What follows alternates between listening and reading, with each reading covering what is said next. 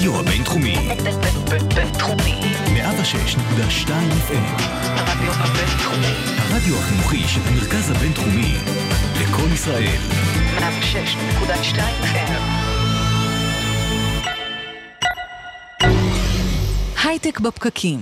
האנשים שעושים את ההייטק הישראלי.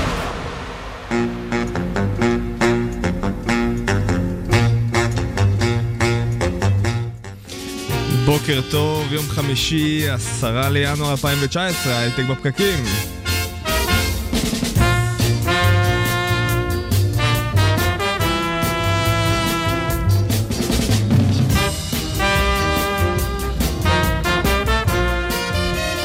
שוב בוקר טוב, לי קוראים נתן לייבזון, ביחד איתי מנחים את השידור הבוקר, יזהר שי, שותף מנהל Canaan Partners ישראל, אהלן יזהר. בוקר טוב.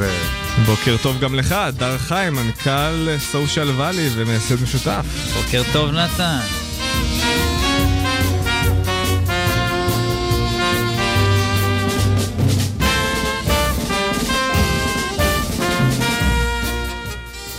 השבוע ראש השב"כ הזהיר מדינה זרה, ככל הנראה רוסיה, שלא תתערב בבחירות בישראל. אבל בינתיים כל המדינה עצרה את נשימתה בזמן שהזמר בן אל תבורי ובת זוגתו הודיעו על משבר. עד כדי, רציני? עד כדי כך חמור שהם הפסיקו לעקוב אחד אחרי השני באינסטגרם. רגע, גם ג'ף. בזוס, גם ג'ף בזוס היה שם משבר. גם עם ג'ף בזוס. ואשתו התגרשו אחרי 25 שנות נישואין. הוא כבר לא האיש טכנולוגיה העשיר בעולם. כנראה. התחלה קשה של התוכנית. כן. מסתבר שלא הכל to do bomb בזוגיות.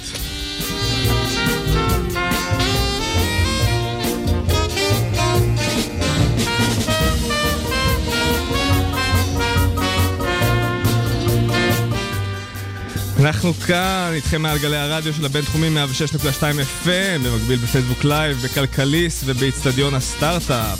עוד תוכנית חדשה של הייטק בפקקים, ואם אתם מאזינים לנו בפודקאסטים, חפשו את המילה בפקקים. תשלחו לנו תגובות והערות לאיצטדיון, אנחנו נשמח להגיב לכם להערות המעניינות.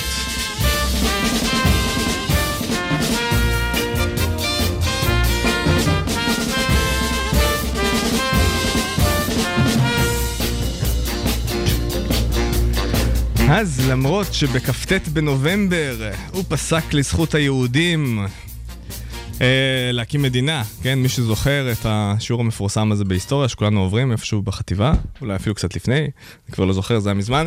אז האו"ם פסק אה, שמגיעה לנו מדינה יהודית, אבל היחסים מאז היו בעיקר מורכבים, עם אה, כל מיני התבטאויות אה, של ראשי ממשלה בעבר, כמו או"ם שמום של דוד בן גוריון, אה, ופסילות למיניהם מצד פוליטיקאים שונים, שאנחנו לא תמיד ביחסים הכי טובים, אבל זה תמיד כבוד לבוא ולבקר שם.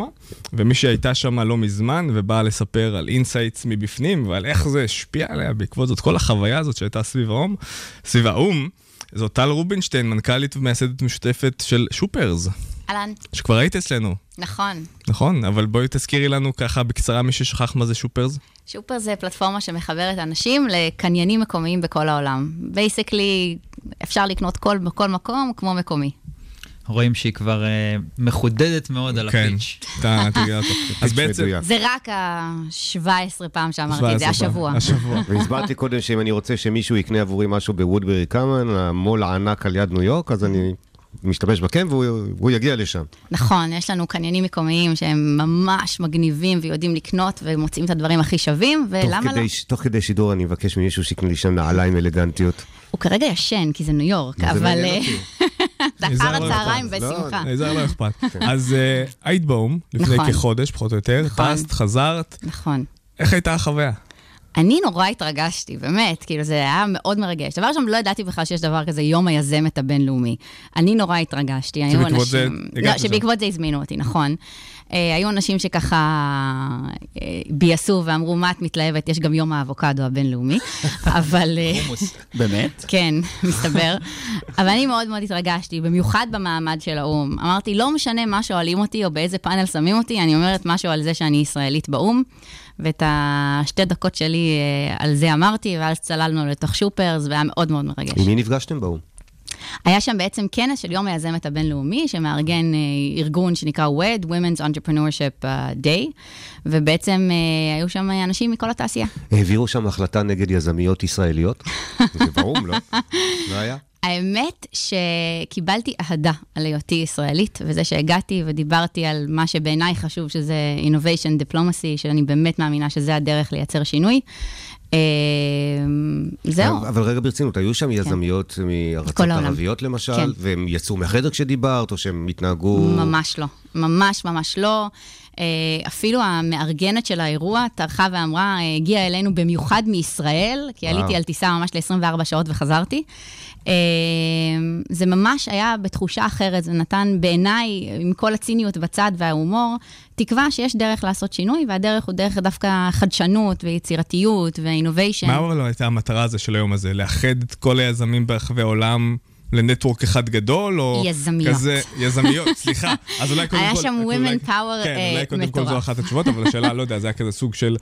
אה, better, אה, better world, מה, עולם יותר טוב, להפוך את ה... כמו שכולם, כל היזמים אוהבים להגיד. אה, כן, אז האמת שגם דיברו על אה, שלום עולמי ו-ending world כן. hunger, אבל העיקרון היה שבעצם, אה, דווקא המסר שאני מאוד מתחברת אליו, זה שאנחנו כנשים ביחד, יש לנו הרבה מאוד כוח, ונשים צריכות יותר לעזור לנשים, אה, וממש אה, לעשות מקום אחת לשנייה, וביחד אפשר באמת לעשות אה, מקום בתעשייה הזאת לנשים יזמיות. ויכול להיות שבגלל זה גם השינוי בגישה, אולי בגלל המכנה המשותף הזה, זאת אומרת, השינוי בגישה של האו"ם, בתחושה. Uh, כן, היה שם משהו מאוד, uh, מאוד embracing, ומצד שני לא היה שם uh, שיח על, על הילדים ואיך חיתלתי אותם הבוקר. היה שיח באמת עסקי, היה פאנלים על בינה מלאכותית, על גיוס עובדים, על גיוס כספים. שיח שהוא מעניין, שלפעמים הוא קצת מתפספס בעיניי בשיח הנשי. זה בסך הכל הייתה חוויה בעיניי מדהימה.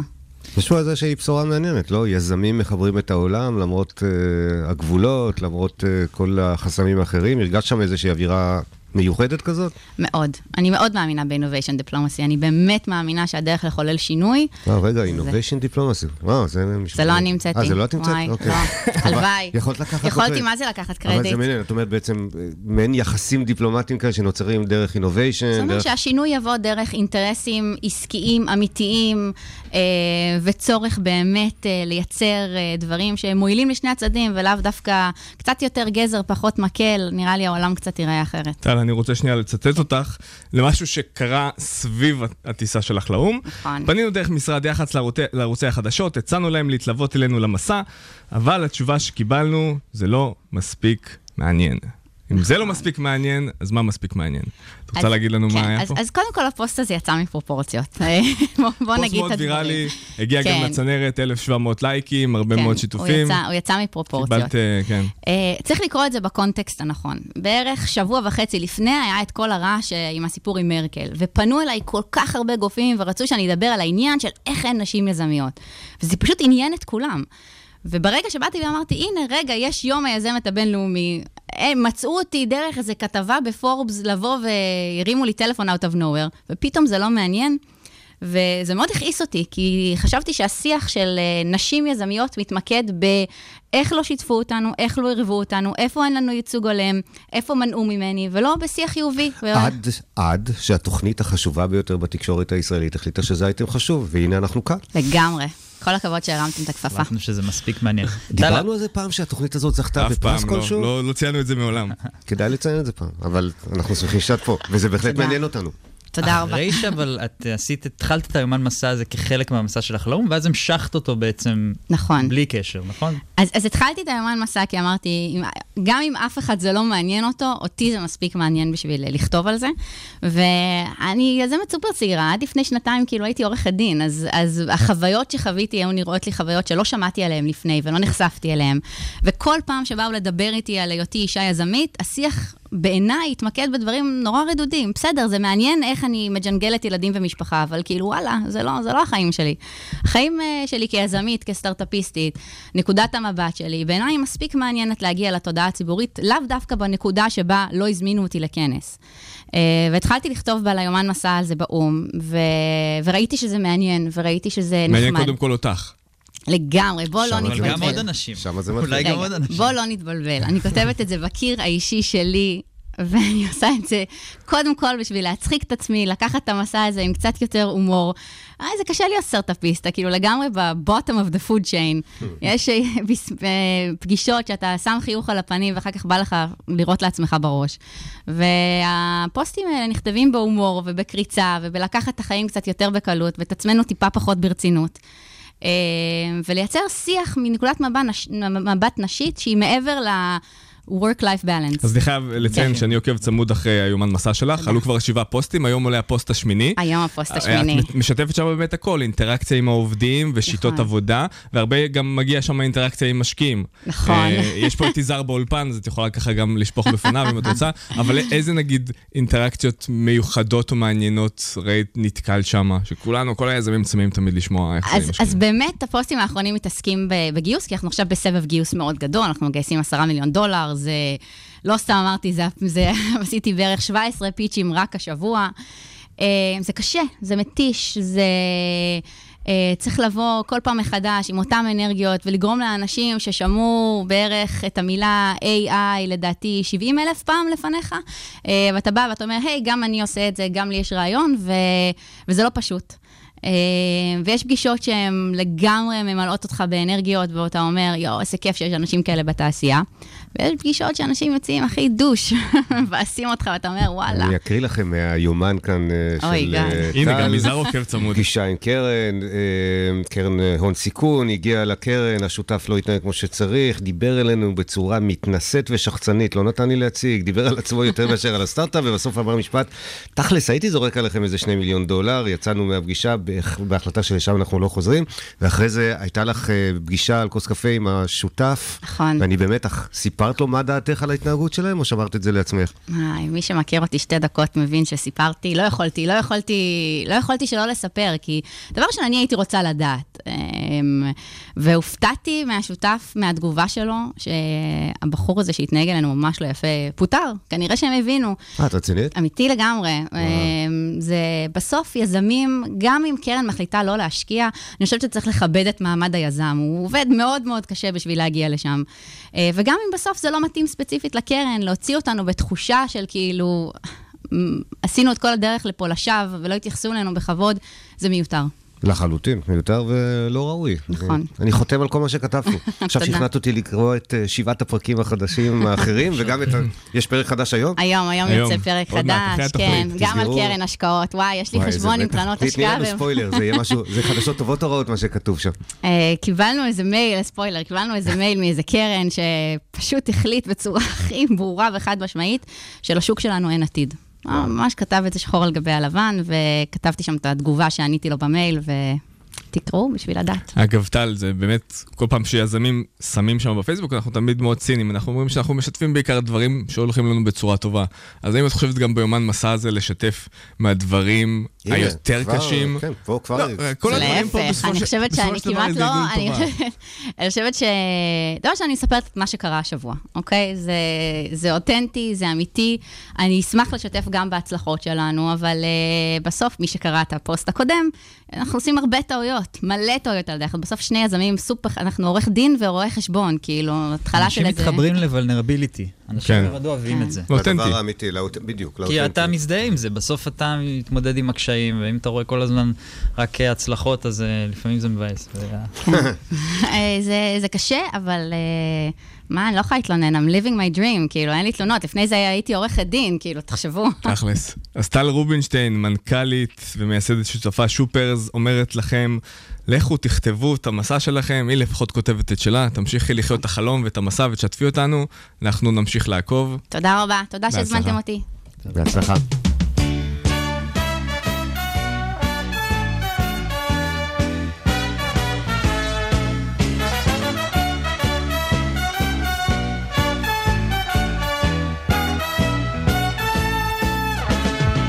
יש לי ידיד ושמו טינטן, והוא קטן, קטן, קטן, והוא קטן מאוד מאוד, והוא שלי והוא בסוד.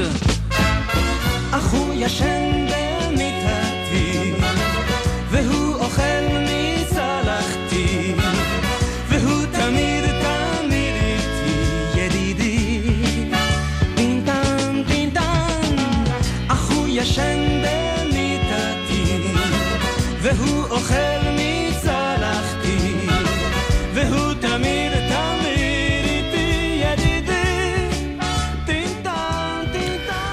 חברים, מעניין אותי לדעת, אה, שני אנשים שאני ככה תופס מהעבודה שלכם, אה, שיש לכם תוצאות בשטח, אי אפשר, אי אפשר להתכחש לזה. כבר התחלה לא טובה. וואי וואי. תתחיל מחדש.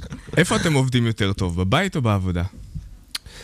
אני צריך סביבה שקטה, וזה יכול להיות בבית או בעבודה. Um, הרבה שנים עבדתי מהבית בחוץ לארץ, היה לי משרד, אבל אני צריך כאילו קטע כזה, אני צריך חדר שיהיה... צריך משהו ש- אני צריך משהו שנקרא משרד. אתה יודע שאתה מגיע לשם, אתה עובד. בדיוק. אני- סטאפ. אני, אני סיפור מעניין, כי אני מעולם לא היה לי מקום שנקרא עבודה. אז אה, אצלי תמיד העבודה זה או הסלון או בית קפה, או, אתה יודע, היה משרד, אבל גם כשיש משרד, זה משרד שאתה בא אליו פעם, פעם פעמיים, שלוש, אבל לא משהו יותר מדי. אז אה, בהקשר הזה, אני חושב שכנראה, בגלל זה, אפשר להגיד שאני עובד יותר טוב מהבית. מהבית. אבל גם בבית, או, יש. מקום ספציפי בבית שהוא מיועד לעבודה, יש את ההפרדה, זאת אומרת, זה לא במקום... זה לא הרגיל. בחדר שינה שלך. לא. זה חייב להיות חדר אחר שאתה תרגיש אחרת. נכון. אז זהו, אז גם אני לפעמים מרגיש שאני בבית, אני איכשהו הולך לאיבוד. יותר נוח לי לצאת מהבית בכלל, לפחות בית קפה, אם לא מקום אחר. ומי שנמצאת איתנו כאן היום זאת הילה לבנה, מנהלת משאבי אנוש של Schedule Once, כדי לשוחח על האינטראקציה הזאת אה, בין העבודה לבית, ואיפה אנחנו בעצם יותר פרודקטיביים. בוקר טוב, הילה. היי, בוקר טוב, מה שלומך? בסדר גמור, מה זה Schedule Once? אוקיי, אז קודם כל אנחנו באמת אה, חברת אה, תוכנה, אנחנו מפתחים מוצר אה, בתחום של scheduling, בעצם שמאפשר קביעה של פגישות אוטומטיות, בצורה אוטומטית. אה, זה בעיקר מיועד לאנשי marketing ואנשי sales שרוצים אה, אה, לקבוע פגישות עם לקוחות, אה, אבל גם אוניברסיטאות משתמשות בזה. אנחנו בסך הכל חברה די גדולה, חברה רווחית, אנחנו לא סטארט-אפ, אין לנו משקיעים, אנחנו באמת כבר עברנו את השלב הזה. אה, החברה כבר קיימת קרוב לשמונה שנים, ובאמת אה, בעיקר מול השוק האמריקאי. ואולי משהו מאוד מיוחד בסקייג'ול וואנס, שיש לכם כמה? 140 עובדים? 140 עובדים, נכון. שכולם כולם עובדים כמעט מה- כולם עובדים מהבית. כן. מהבית, בשלט רחוק. נכון, זה נכון. מטורף. אה, כן, אנחנו בעצם אה, קמנו אה, אה, פה בישראל, ולאט לאט התפ- אה, ככה אה, התחלנו אה, לגייס בכל העולם. אה, עדיין אה, בישראל יש אה, כל מיני מגבלות, אנשים פחות... ככה, הר- הרבה אנשים מסתכלים על זה בצורה שהיא ככה קצת אה, אה, מוזרה, ובעצם ב- בעולם אנחנו מגייסים אה, ב- מאוד מאוד בקלות, אנשים כן, שעובדים מהבית. כנראה שבאמת יש איזשהו קושי ב- בחוסר האינטראקציה הזאת. זאת אומרת, על הרבה אנשים זה מאוד קשה, ויכול להיות שזה אה, משפיע. איך, איך מתמודדים עם, ה, עם הקושי הזה בחוסר האינטראקציה, ב, אולי בקושי בבניית תרבות של החברה בתור אה, מי שעוסק נכון, במשאבי אנוש? שאלה מאוד חשובה, תרבות ארגונית. הרבה פעמים נכון. נוצרת כשנמצאים ביחד, באותו חדר, באותו... כן, זה הצחוקים, זה, כן, זה נכון, זה מוריד. טיפה זה מהפרודוקטיביות הכל לפעמים. נכון, אז קודם כל באמת אה, הפרודקטיביות היא מאוד מאוד גבוהה. אנחנו מגייסים אנשים שהם אה, באמת מאוד רוצים לעבוד מהבית, אנשים שה-work-life balance חשוב להם, אנשים שהם דווקא פחות צריכים את האינטראקציות החברתיות האלה ברמת היום-יום. אמרת שאתה ככה כן אה, מרגיש בנוח אה, לעבוד מהבית, יש אנשים, אה, לי לדוגמה יש משרד בבית. אה, היום הייתי צריכה להגיע פה להרצליה בבוקר, לקח לי כמעט שעה. זאת אומרת, כל הנושא הזה של פקקים היום ותחבורה בארץ אה, וגם בעולם, זה, זה נושא שהוא מאוד מאוד כאוב. אז הנושא הזה של לעבוד מהבית, הוא באמת אה, יכול לה- לה- להוות פתרון. אין היום כמעט חברות בעולם שלא מאפשרות יום, יומיים עבודה מהבית, כי באמת חברות היום מבינות, והשוק הולך לשם. גם בישראל וגם בעיקר בארצות הברית, השוק הולך לכיוונים של גם לא לגייס רק במקומות שהם מאוד מאוד יקרים, ששם מרכזי ההייטק. אבל שאלה באמת זה מבחינת, כן. אה, אה, מבחינת מינון, אפשר להגיד. אם רוב החברה עדיין מרוכזת בתוך החברה, ומגיעים, אוקיי, אני לא מגיע יום אחד בשבוע, יומיים בשבוע, עדיין רוב הזמן אני מגיע לחברה. אז כן נוצרת תרבות ארגונית ואינטראקציה, ואולי גם מתקתקים משימות ביותר קלות. אבל אם אצלכם רוב החברה מבוזרת, אתם עדיין מרגישים שהעבודה מתנהלת בצורה מספיק יעילה? אז קודם כל, יעילות היא הרבה יותר גדולה. אה, האינטראקציות היום בעצם אפשר, האינטראקציות הן ברמה היומיומית כל הזמן. זה לא שאתה עובד מהבית ואתה מבודד ואתה לא מדבר עם אף אחד ונותנים לך איזושהי משימה ואתה אחרי שבועיים נותן אותה. גם לא, יצרתם יש- תהליכים שהם עוזרים לכם לייצר את האינטראקציות האלה בגלל העבודה. נכון, יש. לנו כל היום ישיבות, אתה כל היום אה, מדבר עם אנשים, אם זה הלקוחות שלך, ואם זה שאר העובדים, ואם זה עובדים ממחלקות יש שונות. לכם מנהלים שלא פגשו אף פעם את. העובדים שלהם, או עובדים שלא פגשו חבר'ה שאיתם בקבוצה? פגשו, אני מתכוון פיזית, לחצו יד, שתו קפה ביחד. אה, כן, זו שאלה מעניינת. אנחנו פעמיים בשנה מטיסים את כל החברה אה, ביחד לככה כמה ימים בבית מלון, ועושים אה, איזשהו company retreat. פעם אחרונה היינו, ממש חזרנו לפני חודש מהודו, וזה היה מאוד מאוד מרגש לפגוש את כולם. כן, לי יש עובדת אה, בארצות הברית, שהיא בדיוק חזרה מחופשת לידה ולא הגיעה להודו, ועוד לא פגשתי אותה. אז אני אז נניח. ראיון- ראיון עבודה, או חלילה פיטורים, גם זה בווידאו. קונפרנס? אה, כן, הגיוס אצלנו וירטואלי, כל התהליכים הם וירטואליים. אה, מדהים. כלומר, את לא פוגשת אה, אותו, אותה, הם... תראה, יש היום וידאו. היום לא, אני לא מתלונן, אני מציין. הוא אני- איתך, הוא איתך. אני איתך לגמרי. כן, כמו שאני מדברת איתך עכשיו, כן. פנים מול פנים, יכול להיות בינינו וידאו, יכולה נכון, להיות בינינו נכון. מצלמה, אין היום שום מניעה גם לעבוד, גם לעשות, יש כל כך הרבה טכנולוגיות היום, אם זה זום ו-go to meeting, שמאפשרות פגישות בצורה אוטומטית. אתה יכול לשתף את המסך שלך, ואפשר אה, לראות את זה, וממש עבודה שהיא מאוד מאוד משותפת. יזהר, אתה לא צריך נראה לשבת אחד מוטרד. ליד השני. לא, אני ממש, זה, קודם כל, אני מאוד בעד. אני פשוט חושב על החוק הישראלי שלפני פיטורי עובדים צריך לעשות לו שימוע. כן, אז את קוראת לעובדת בווידאו, במסך, עושה לה שימוע, ואחרי זה פיטורים, תראה, אתה. נכנס פה לדברים אה, זה, אבל כן, גם שימוע, כן. אין- אין איזה, אין מניעה חוקית לעשות שימוע. ב- עכשיו, מעניין אותי, כל האג'נדה הזאת, או האסטרטגיה של לגייס הרבה עובדים מחו"ל, נוצרה מתוצאה שלא מצאתם מספיק טאלנט איכותי פה בארץ, או שזה איזושהי אמונה רווחת שהתחילה מ- מיסוד החברה? אה, קודם כל, מלכתחילה החברה אה, אה, גייסה גם בישראל וגם בהודו, יש לנו הרבה פיתוח בהודו. אנחנו מחפשים באמת אנשים שזה לא רק הקריטריון של עבודה מהבית, זה, זה לא קריטריון בעצם, יש לנו המון דרישות ומחפשים אנשים טלנטים ואנשים שבעצם יכולות אנליטיות, המוצר שלנו הוא מוצר שהוא מאוד מורכב, אנחנו מחפשים יכולות אנליטיות מאוד מאוד גבוהות, אנגלית ברמה מאוד מאוד גבוהה. אה, ובארץ האוכלוסייה בעצם ש, שנמצאת בפריפריה אה, אה, ושרוצה לעבוד בהייטק היא לא מאוד מאוד גדולה. באיזשהו שלב, אחרי אה, 4-5 שנים, הרגשנו שכבר מיצינו בעצם את כל האפשרויות כאן, ואנחנו עוברים לגייס גם בחו"ל. יש לנו בארץ קרוב ל-30 עובדים, מרמת הגולן, יש לנו עובדת בקצרין, עד קריית גת, הייתה לנו גם עובדת באילת, ערד, וגם פה באזור המרכז, זאת אומרת, אנחנו לא אה, אה, מגבילים. אה, בארצות הברית יש הרבה יותר אה, פתיחות היום לכל הנושא הזה של עבודה מהבית, אה, אנשים שגרים באמת בערים יותר, טיפה יותר מרוחקות, ו... הם, אה, יש שם המון, אה, צריכים לנסוע, סליחה, איזה שעה, שעתיים, שעתיים וחצי עד למקום עבודה, אז פתיחות אה, קיימת. אבל זה דפנטלי משפיע על תהליך הגיוס בצורה מאוד משמעותית. כלומר, אתם מגיעים, אתם, זה תמיד בראש, זה תמיד זה, כנראה שלא, הטאלנטים שנמצאים בתל אביב לצורך העניין פחות רלוונטיים. כן, אנשים שבאמת מחפשים את כל הנושא הזה של happy hours ו- ול- ולשתות ולהיות עם החבר'ה, הם פחות, פחות האנשים שאנחנו מגייסים אותם. אה, כן, וכל התהליך אצלנו זה בעצם, אנחנו מחפשים אנשים שאו שבאמת מחפשים את ה-life work balance, אם באמת מדובר על הורים, אז הם יכולים לעבוד עד שלוש עד ארבע ואחר כך לעבוד שוב פעם בערב, אה, או באמת אנשים שיש להם המון, המון אנשים אצלנו עוסקים בספורט ויש להם כל מיני תחביבים, אז הוא יכול לעשות אה, surfing או לעשות אה, אפילו לרוץ מרתונים ותוך כדי גם אה, אה, להשתלב בעבודה. אז אה, זה, זה יותר הטיפוסים שאנחנו מגייסים. ספרי לנו קצת איך זה משפיע על, ה, על החברה, על, ה, על הפרפורמנס של החברה, על איך שהיא מתנהלת.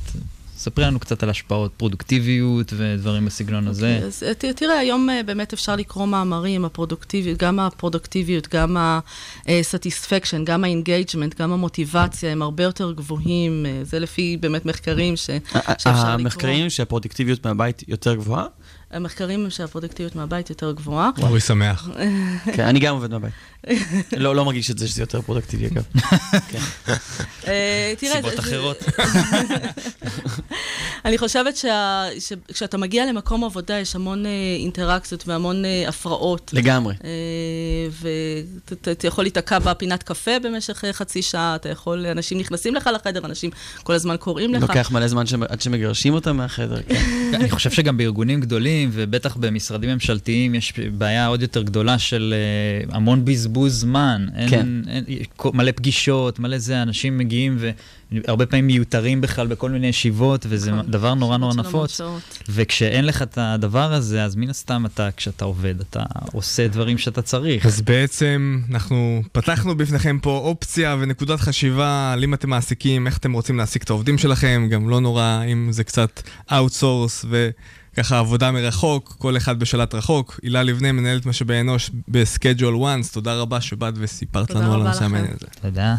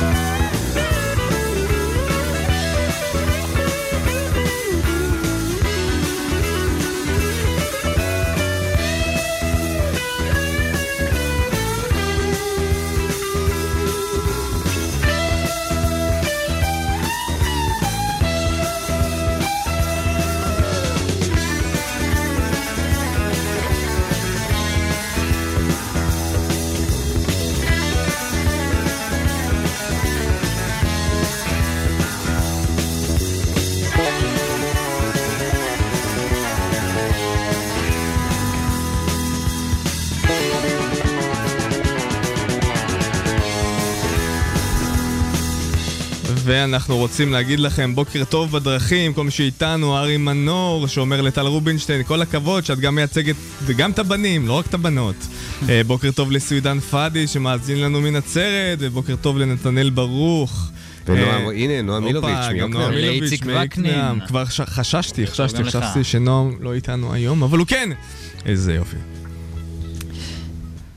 ואנחנו בשיחת השבוע. שיחת השבוע. שיחת השבוע. שיחה שאנחנו עושים ממש פעם בחודש. כן, זה- וזה מה שהופך אותה לשיחת השבוע, שקורית פעם ב... ואורי יספר לנו על תיאוריה, תיאוריות ישנות בתקשורת, ונראה אם הן עדיין רלוונטיות היום. נכון. אתם יודעים ממתי התיאוריות בתקשורת הן בדרך כלל... אה, הייתה סברה לפני מלחמת העולם השנייה, שתקשורת אה, לא משפיעה על אנשים בכלל, ואז הייתה את מלחמת העולם השנייה, ונורא ייחסו את זה לתקשורת, אמרו, טוב, תקשורת משפיעה על אנשים בצורה טוטאלית. הם לא בכלל שולטים בזה, זה שולט בהם. ואז מצאו את האמצע, את הביניים כמובן, ורוב התיאוריות תקשורת שאנחנו משתמשים בהן עד היום, הם משנות ה-40, שנות ה-50 ושנות ה-60. אז בואו נשמע את אחת היותר מוכרות, בכמה שניות. The diffusion of innovation theory. אדר, משווק יקר. Diffusion of innovation, אה, איך אומרים את זה בעברית? אה, הייטק לא צריך. וואו, עקומת לא החדשנות. כן. אמ, אתה משתמש early בה? adapters, כן. innovators. בדיוק, אז נסביר עליה בקצרה. אמ, תיאוריה majority, שמסבירה... late majority ולאגרס. לארגרס, איך אנשים אה, מאמצים אה, טכנולוגיות חדשות, אה, משהו שכל אה, הייטקיסט אה, מכיר ויודע ומסתמך עליו, 2.5% זה ה-early adopters, מה שכולם מדברים עליו, איך להביא את החבר'ה הצעירים. בהתחלה זה ה-innovator. Innovator, זה השתיים נכון. וחצי. זה הראשון. כך, ה-13 זה early adopters. ואז. אחרי זה ה-early majority, late majority ולאגרס. אבל מה. שמעניין את ה-innovator זה להגיע ל-early adapters. נכון. כי הם אלה נכון. שמחדשים. שם ברגע שהגעת ל-early adopters, כביכול זה הבוננזה, כבר התחלתי לא, באמת אתה- להרגיל את לא. אתה השוק. צריך לעבור אותם. ה-early adopters זה הגיוני שתגיע אליהם, כי תמיד יהיו לך early adopters, המטרה שלך זה להגיע ל-early majority. לנקודת המפנה, the tipping point. טוב, יש- כולנו יודעים, כולנו קראנו את. הספר. אתם חושבים. אוקיי, אז התיאוריה הזאת היא מ-60, שנות ה-60, של רוג'רס. אני חושב שהיא רלוונטית מאוד גם זה אה, זה בדיוק. הייתה השאלה, היא כמה היא רלוונטית? מאוד, מאוד. אה, מה אין פה ויכוח? על- אבל מישהו יגיד, לא... תסתכל למה כאילו אתרים כמו Product Hunt וכאלה כל כך רלוונטיים, את- אתר Product Hunt למי שלא מכיר, אתר שכל שבוע עולים, או כל יום בעצם עולים בו המוצרים הכי מעניינים וחדשים אה, אה, שהם מוצאים, ויש לאתר הזה אה, מיליוני כניסות, וזה בעצם, יש ביקוש ממש גבוה והכנות מאוד אה, רציניות כשאתה עולה ל-Product Hunt, כי יש הרבה עניין של להגיע ל-early adapters, לאנשים שבאמת מעניין אותם להשתמש ראשונים, אה, לנסות דברים חדשים שהם לא בהכרח כל כך עדיין עובדים, אבל להיות ראשונים. אה, ובגלל שהדבר הזה בעצם עוזר לך להגיע ל... אה, ל- לשוק הכללי, שזה אנשים זה תופס כן. גם לגבי חדשנות בתחומים אחרים, אנחנו הרי בבועת ההייטק שלנו, וזו תוכנית על הייטק וחדשנות, אבל השאלה אם, אה, ב, אני יודע, חדשנות בעולם האופנה, נראה לכם אז לגמרי, שגם- בטח. אז ה- בטח. יש, התיאוריה הזאת גם ממומשת בעולם האופנה ובעולם של אה, קולנוע, ומי ראה את הסרט החדש וכולי דרך וכולי. אגב, בספר של מלקום גלדוול, אה, The- Tipping Point, שדיברתי עליו קודם, זה, הוא, הוא נותן שם, אחת הדוגמאות החזקות שלו, זה של האש פאפיז, של אה, נעליים, שאיזה חבורה של... אה, ניו קצת- יורקים מגניבים. כן, פריקים כאלה קצת, איזה, איזה כמה מאות ש, של אה, חבר'ה כאלה החליטו שהם הולכים עם הנעליים האלה, וזה הנעליים ממש לא מוכרות, וזה מה שהתחיל את המהפכה, וזה למה שהם נהיו כל כך פופולריים, אז כן. הם היו בדיוק ה- ה-early adapters. כי זה או- הקטע, כי לכל מוצר יהיה לך את ה-early adapter שלהם. זה לאו דווקא אם אני early adapter טכנולוגי, אז אני ארצה גם להיות early adapter בתחום האופנה או בתחום נכון, האוכל. וזה מתחבר כי זה לתיאוריה יחסי. הבאה שנדבר זה עליה. הכל יחסי. אז אני חושב שסיכמנו שלמרות שהתיאוריה הזאת משנות ה-60, היא עדיין לגמרי רלוונטית. יש, עד יש היום אנשים. שאין להם, אה, הם, הם לא, לא יודעים מה זה פייסבוק, אז אוקיי, אז יש גם את הצד. השני. הם לאגרס. כן. לא, עד שמישהו יפריח או יוכיח אחרת, אבל צריך לעשות על אה, זה איזשהו מחקר מעמיק. כן. עד אז זה לגמרי אני נכון. נורא לא אוהב את התיאוריה הזאת. פשוט בגלל שהיא נה, היא לא אומרת כלום. זה מין כזה, אוקיי, יש אנשים שמאמצים לא, אתה יודע מה זה אומר? יש אנשים שמאמצים אחר כך. זה אומר, יופי. זה אומר לך, כשאתה. בתור סטארט-אפיסט, אתה בא לכבוש נתח שוק ואתה אומר, אני אשיג 10%. זה לא מעניין אף אחד 10%, כי 10% אתה ב-early adapters, אתה תמיד צריך לשאוף ליותר. להראות איך אתה מגיע ל-early majority. או, אז בהקשר הזה, זה בעצם האסטרטגיה הנורא מקובלת של בוא, בוא נביא את ה-2.5% הראשונים, אחר כך נורא נתאמץ קשה להביא את ה- את ה-15%, ה-18% השניים, אבל מה אם לתקוף דווקא את הלאגרץ?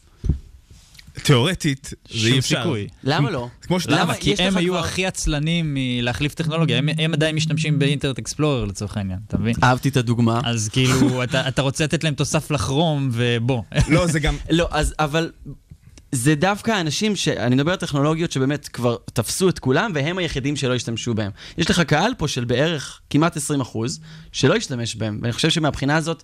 אולי קצת מעניין לאתגר את הפריזמה הזאת ולתקוף דווקא את האחרונים שלא ימצאו. אבל ברגע- זה כל התחום זה הזה כל של מה ברגע שאתה תוקף אותם. ברגע שאתה תוקף אותם הם כבר לא לאגרס, יהיו לאגרס אחרים. זה תמיד מי שמאמץ את הטכנולוגיה שלך מבחינת הסדר. אם אלה, הצלחת את הלאגרס נכון. שבתחום האייפון אז לקנות עכשיו. ראשונים, אז יהיו לאגרס חדשים. מישהו ימלא את מקומם. לא יכול להתחיל מהסוף, אורי. מתחלפים, הם לא מתים.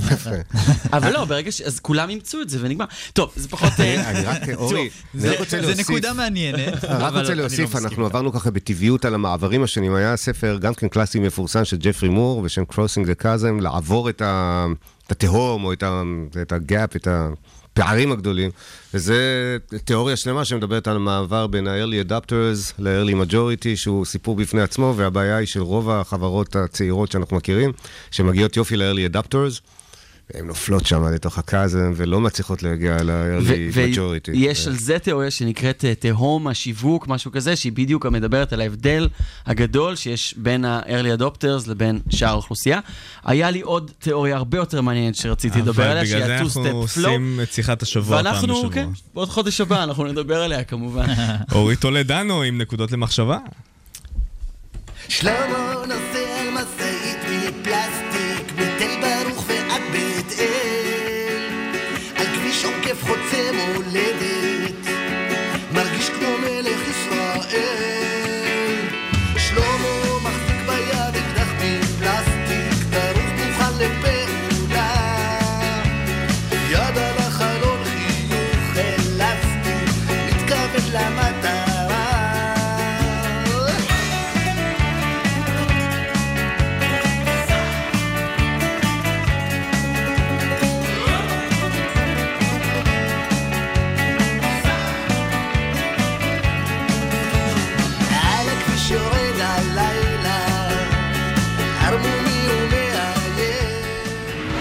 חדשות השבוע.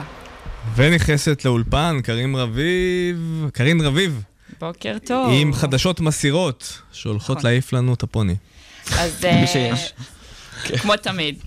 קרה לכם פעם שדיברתם ליד המחשב או ליד הטלפון אה, על אה, למשל חופשה בתאילנד, ופתאום אופס, נכנסתם לפייסבוק ועלתה לכם איזו מודעה ככה. לגמרי. כיף שתמיד זה בחו"ל. חופשה בתאילנד. זאת לגמרי. חבל אני, רק אני שזה לא יודעת קורה למה הרבה. אמרתי חופשה בתאילנד, נדבר על זה אחר כך אבל. אז uh, מחקר אמריקאי uh, חדש בדק uh, האם, האם פייסבוק או גוגל אכן מאזינות לנו שאנחנו נמצאים ליד הטלפונים שלנו. לקחו קבוצה של uh, 500 איש ואמרו להם חודש שלם אל תקלידו ב... בגוגל או בפייסבוק אה, מילים מסוימות, למשל אה, אלקסה, אה, למשל ואנס, וכשמגיע המחקר, אז תדברו הרבה בטלפון על הנושאים האלה, ליד, או תדברו ליד הטלפון עם חברים שלכם, ותחפשו ותראו אם עולות מודעות כאלו. משמע לא להקליד, אלא רק לדבר. כן, אוקיי. רק לדבר.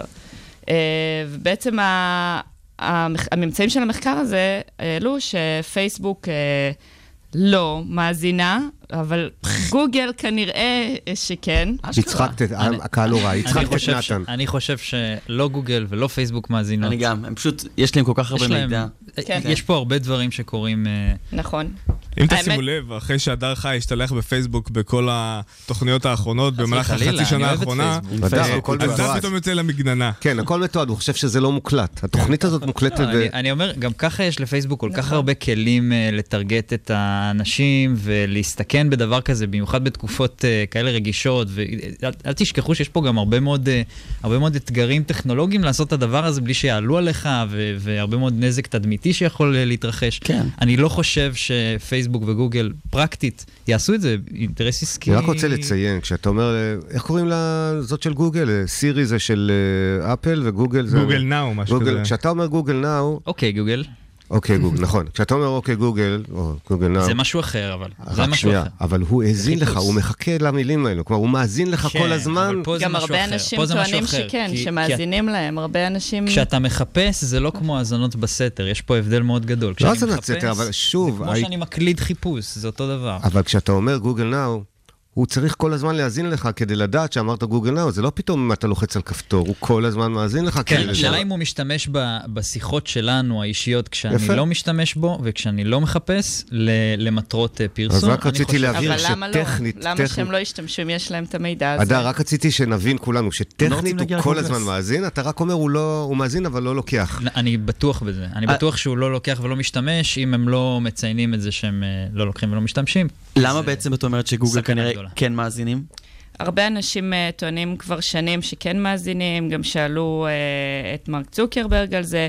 Uh, אנשים uh, חושבים שבאמת פתאום, uh, אף פעם לא, למשל מישהי נתנה דוגמה, שהיא דיברה עם חברה שלה על איזה מחזמר, ופתאום עלה לה מודעה על מחזמר, והיא בחיים לא בדקה או חיפשה את, ה, את הדבר הזה. יש הרבה דוגמאות, יש- priming, יש הרבה priming. דוגמאות אה, של אנשים שלא קשורים אחד לשני, שהרבה אנשים מדברים בעצם שאנחנו אומרים משהו ליד הטלפון, ואז פתאום אחרי כמה זמן אנחנו מוצאים פרסומות, מטרגטים אותנו, שמרגישים שזה קשור. אגב, זאת הזמנה למאזינים, אם אתם שומעים אותנו ורוצים לשתף אותנו במקרים שאמרתם משהו ליד הסמארטפון שלכם ופתאום הוא מקפיץ לכם פרסומת נחמדה, זה הזמן לעלות ולשתף ואנחנו נקריא. וגם לנו- אנחנו נתחיל אולי אנחנו- לעשות ניסוי כזה. אנחנו אולי נתחיל כן פה בהייטק בפרקים ונגיד לכם מה קורה, אבל יש לנו עוד חדשה מעניינת שאנחנו רוצים להספיק. אוקיי, אז השבוע זה השבוע של WeWork, הם יצאו בשתי הצהרות uh, משמעותיות השבוע. אחד, ש-WeWork הופכת להיות חטיבה ב-The We Company, uh, בנוסף ל-We Live, שזה החלל המגורים המשותף, ו-We Grow, שזה בית ספר, uh, uh,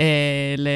בית ספר uh, למעשה לילדים uh, בתחום של uh, יזמות, וגם אקדמיה ל-coding. אה, והכף עוד נטויה, יש אז עוד WeWork תחומים. בעצם עושים We, We, rebranding, We, We, We. rebranding הולך להיות קטן, הופכים מ-WeWork ל-We, שהיא חברה יותר גדולה, כן, ומתחתיה... מה- שכמה חתיבות מתחתיה, ויהיו כנראה עוד חטיבות. כמו שגט טקסי הפכה ל-Gett. כן, אתה יכול להוסיף לווי כל אה, דבר שאתה רוצה, ויכול להיות שיהיה מזה אחרי זה חטיבה של אה, מה אתם. חושבים, זה בא ביחד עם האסטרטגיה של סופטבנק להשקיע פחות אה, ב-WeWork?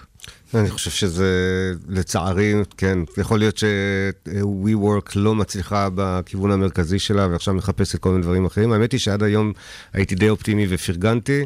מה שאת מספרת פה דווקא די מדאיג אותי. אה, לא, אני לא רואה איך כל זה משתלב ביחד לחברה ענקית גדולה שצומחת ומייצרת value ו- וביזנס אמיתי. ואכן, WeWork ש- הם, אה, הם מפסידים, בהפסדים כבר כמה שנים, ואולי בגלל זה אה, הם הולכים לכיוון אה, לא, הזה. השאלה אם זה כן. בהפסדים של בגלל צמיחה או בגלל זה. תראו, גם יש פה עניין אה, מאוד אה, מסוכן בזה שאתה מחזיק אה, כל כך הרבה נדל"ן, אז זה שהיא הפסדית, זה נשמע לי הגיוני. נשמע לך הפסדי. אבל בסופו של דבר, התאגיד היפני סופטבנק חתך את כן. עשה קאט על כן, מה שהוא זו- זו גם הבטיח הבעיה, להם כי. זה- הם 16 חיים בתחום. של נדל"ן. נדל"ן הרי כן. זה אחד הדברים שיותר מניבים תשואה בעולם נכון. שלנו, ואם אתה חי בעולם הזה ואתה מעז להיות סטארט-אפ ואתה אומר, טוב, גם פה אני לא מרוויח ואני מפסיד בשביל איזושהי גדילה, צריך להיות מאוד מאוד משכנע. אבל, אה, כן, כנראה נדל"ן- שאדם... נדל"ן גם אפשר, אה, אפשר להפסיד. נכון, כנראה אבל שאדם נוימן לא מספיק משכנע כמו ג'ף בזוס, שהוא יכול לשכנע את המשקיעים שלו ללכת אחריו. חכה, השאלה אם חכה. ברגע שאתה. מסובב את הגלגלים, אז אתה יכול להגיע לרווחיות. אני רק או מציין. במקום לווי, אתה תהפוך למי? וורק? רק שים לב שנוימן כן גייס עשרות מיליארדי דולרים, עכשיו הם פשוט חתכו את זה, נכון? לכמה כן. הם הורידו? מ- מ-16 מיליארד דולר ל-2 מיליארד דולר בערך, אבל הם כבר השקיעו בהם בעבר. סופטבנק. ר- ראיתי שהסבירו את זה בזה באמת שהם חברת נדל"ן, שמוציאה כל כך הרבה כסף על שיווק וכולי, כן. שהיא פשוט לא מניבה רווחים, ולכן זה כבר לא השקעה השאלה אם סולידית. ההפסד משרת את הגדילה, או. שההפסד הוא הפסד... אה, המשקיעים של, אה, של. סופטבנק למעשה לא מאמינים ש... שהערכת שווי והסכום הגרנדיוזי הזה שווים את זה. שאלת אחרית הימים, מה קורה במידה ולא עלינו WeWork נעלמת? מה קורה לענף הזה של ה-co-working spaces? ימשיך ויצמח ויהיה בסדר. החזקות אה, ישרדו. אני חושב שהטרנד העולמי הזה שדיברנו עליו לפני שנייה, של עבודה מהבית, זה לא דווקא עבודה מהבית, העבודה הזאת במתחמים אה, משותפים, תמשיך אה, ותתרחש. ועם האופטימיות הזאת, אנחנו נגיד לך תודה רבה, קארין, שבאת והסרת האולפן. תודה רבה. עד שבוע הבא. תנו לי לדבר בשם הנוער, אנו הם אתם של המחר. תנו לי לדבר בשם הנוער, זה הזמן אם עוד לא מאוחר. תנו לי לדבר בשם הנוער, דיבור שלא שמעתם זה מכבר. תנו לי לדבר בשם הנוער, אם קולנו עוד נשמע לכם מוכר. תנו לי לדבר בשם הנוער, די לנו בהטפות מוסר. תנו לי לדבר בשם הנוער, אל תאמרו לי מה אסור ומה מותר.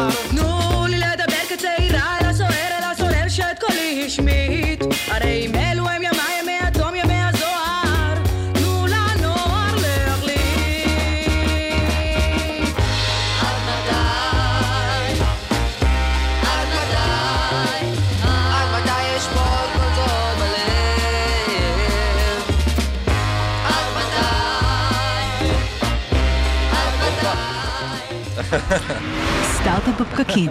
ונכנסים אלינו לאולפן ניצן גל, שמביאה איתה אורח מיוחד יחד עם פומפה.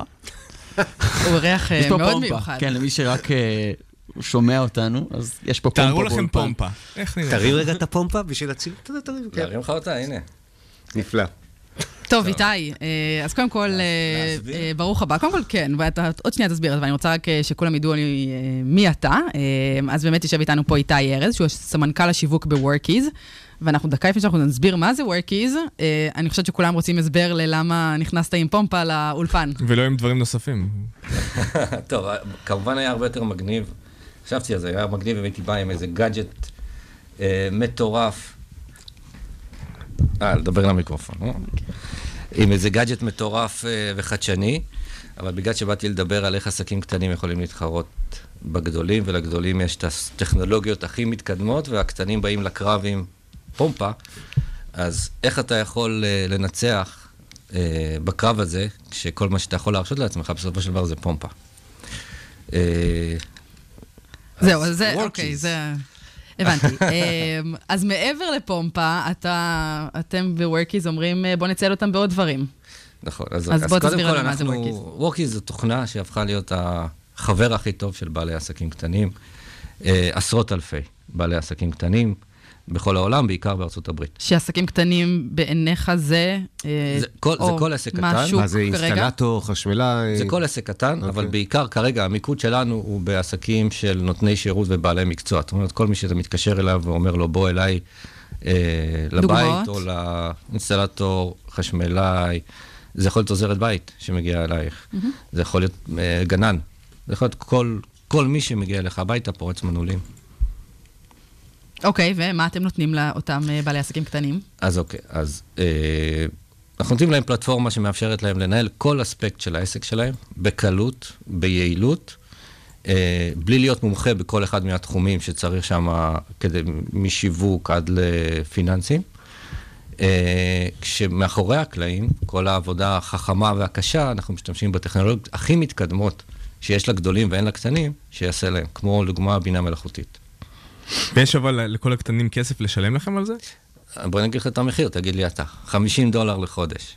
אני לא יודע, קטונתי, אני... השאלה מה זה נותן להם. הם, אה, למשל, בדיוק. אחד הדברים הכי חשובים עבור בעלי עסקים קטנים כאלה זה לידים. אנשים שצריכים אותי, והשאלה אם אתם עוזרים להם גם להגיע אליהם. אז, אז בוא, בוא נדבר רגע מה, איך אנחנו בסופו של דבר עוזרים, או מה הקשיים. כי אנחנו יודעים שהמצב של העסקים הקטנים הוא נורא. זאת אומרת, כל שנה, אחוז העסקים אה, שנסגרים מתוך אלה שנפתחים, הולך וגדל. זאת אומרת, המצב רק מחמיר, בארץ ובכל העולם. אה, למה זה קורה? משני סיבות. אחת, אה, סיבה אחת זאת, אה, בוא נגיד, הטרנד האחד הוא שאתה חייב להיות נוכח אונליין. אם אתה לא שם, אתה לא קיים בימינו. זאת אומרת, גם אם אתה חנות פיזית או עסק פיזי, אתה חייב להיות אונליין. דבר שני זה הדור המילניום, שנכנס ל... ונהיה כוח הקנייה העיקרי, והוא מתנהל אחרת. הוא פחות מחפש בגוגל, הוא משת- משתמש ברשתות חברתיות. הוא פחות, אה, הוא מסתכל מי מופיע בתוצאה הראשונה בחיפוש, ויותר נשען על המלצות ועל ביקורות של לקוחות אחרים שלך. אה, כנסי לפייסבוק ותראי שם, מישהו מכיר אה, בעל מקצוע כזה וכזה, יש המלצות על חנות כזאת וכזאת. הם יותר נשענים על זה. ברור. ובעלי העסקים הקטנים לא יודעים את זה ולא יודעים איך להתנהל בעולם הזה.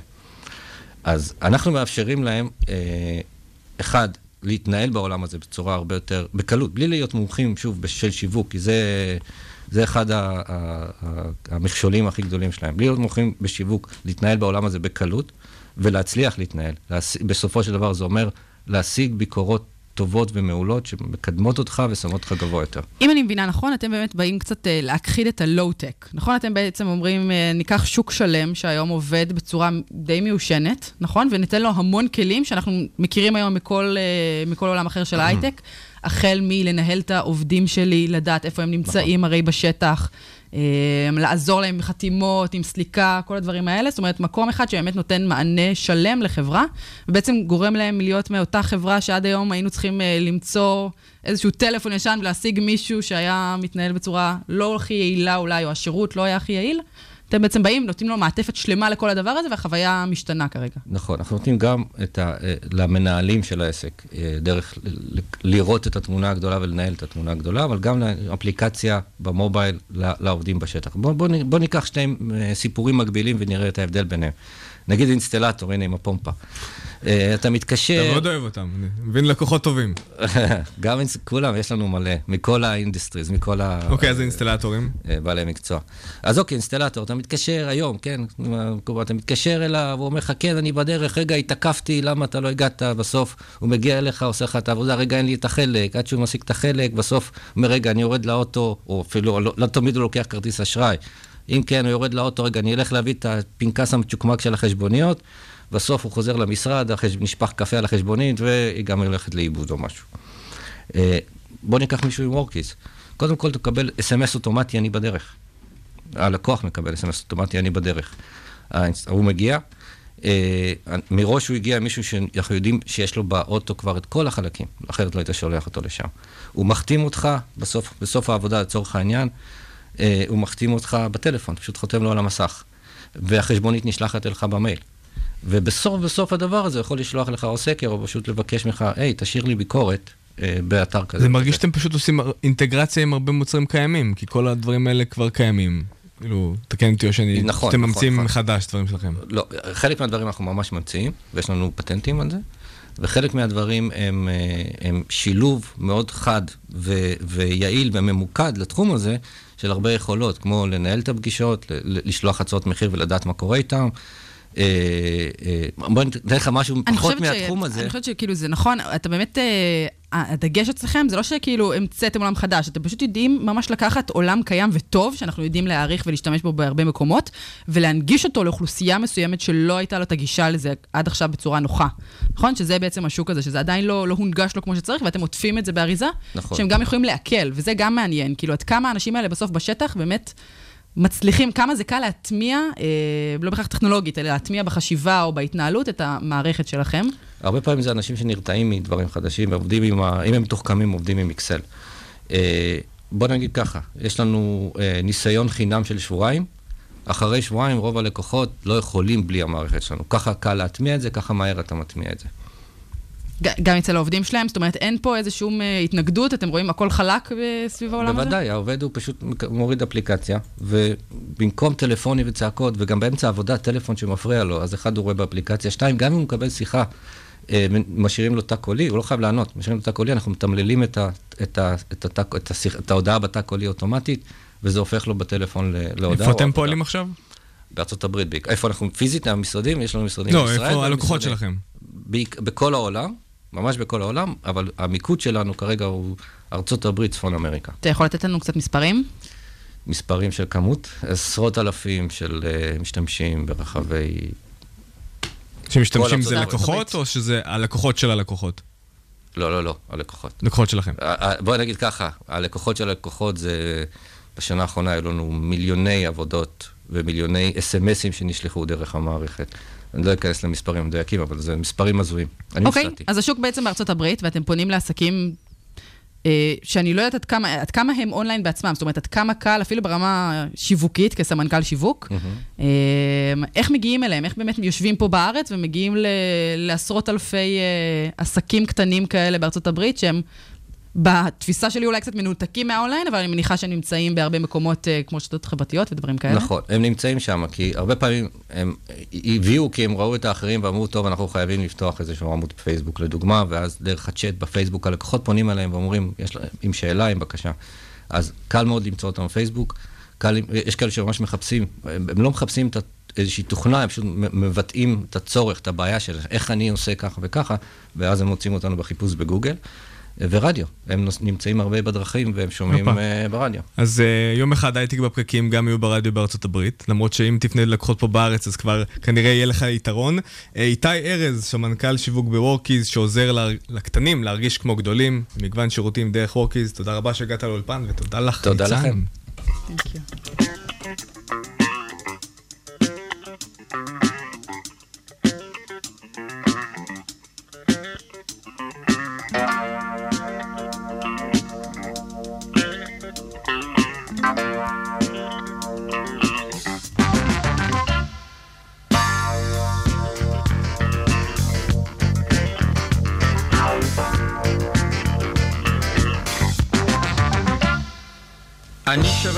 לא יודע מה לעשות.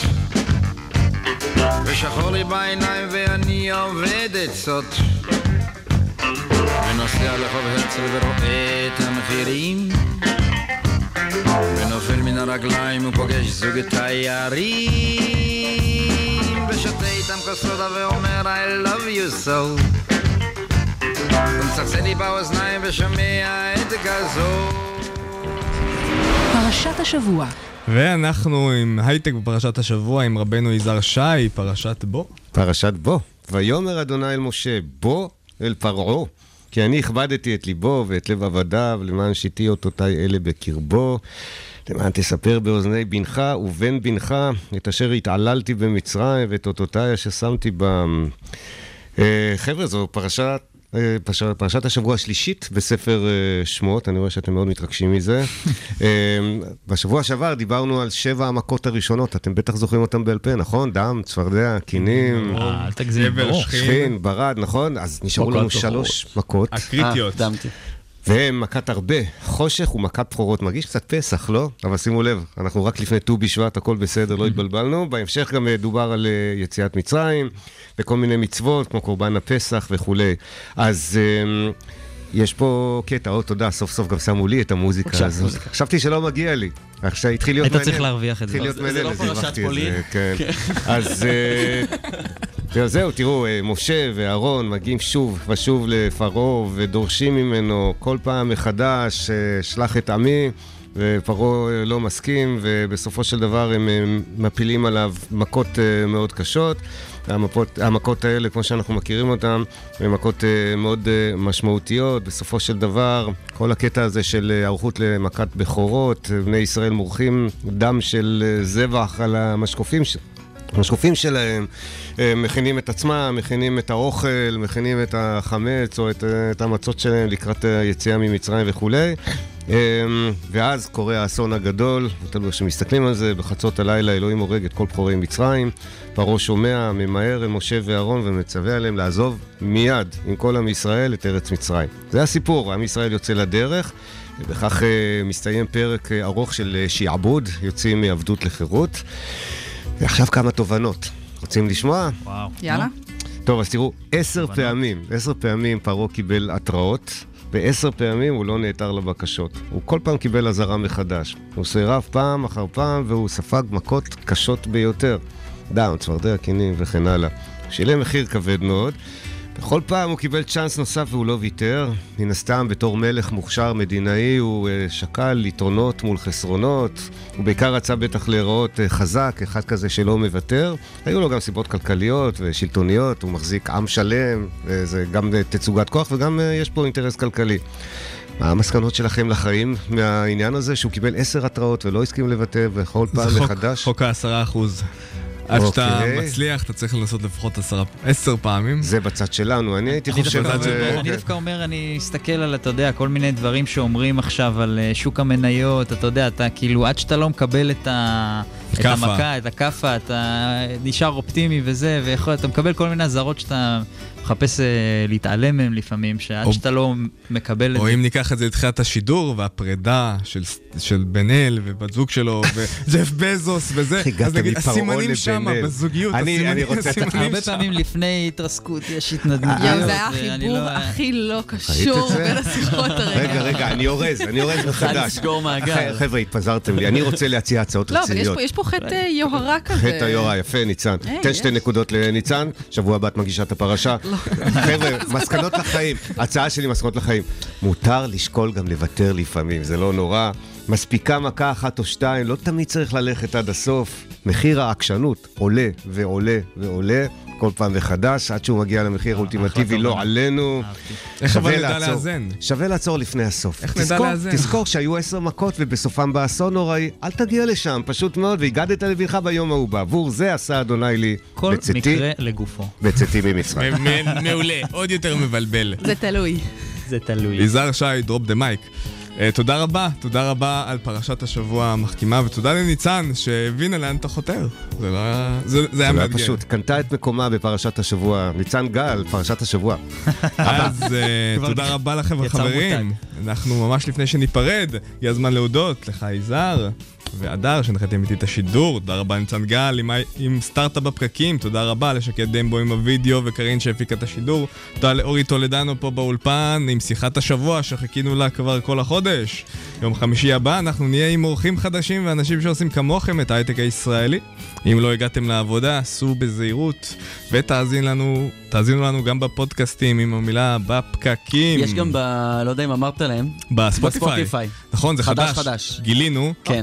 אני לא בטוח אם זה... פתחנו את ה-Spotify. תגיד, העלינו- פעם את העניין הזה שהתוכנית הזאת זכתה לפרס? לא, בוא- תציין, מה איזה פרס, קרה? סיסר? אה, מאזיני, סליחה, מאזיני וצופי ומצביעי Geektime אה, בחרו בהייטק בפקקים כפודקאסט המצליח, הטוב ביותר וואו. לשנת כל 2018. הכבוד לנו. מרגש. אבל Spotify, חבר'ה. Spotify. אם פספסתם את זה, יש גם ב-20 לחודש את הטקס אה, פרסים של Geektime, וחפשו אותנו גם בספוטיפיי. החלטנו מי עולה לבמה, נתן, יש לך נאום אה, אוסקר? עולה. אולי אורית. אולי אורית. אורית. או, אורית.